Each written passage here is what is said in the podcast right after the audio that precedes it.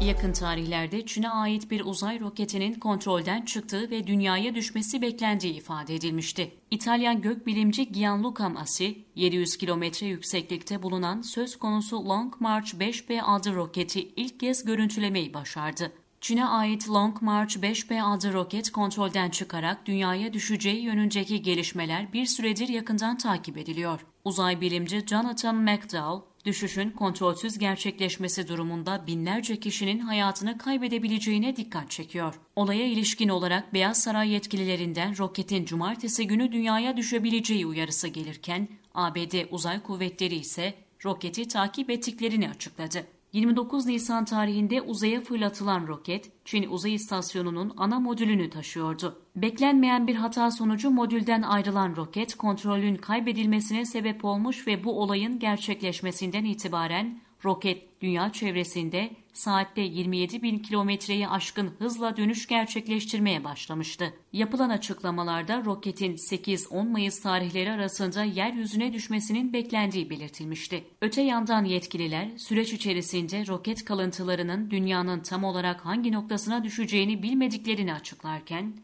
böyle bir durumun ancak roketin dünyaya inmesine saatler kala tahmin edilebileceğini ifade ettiler.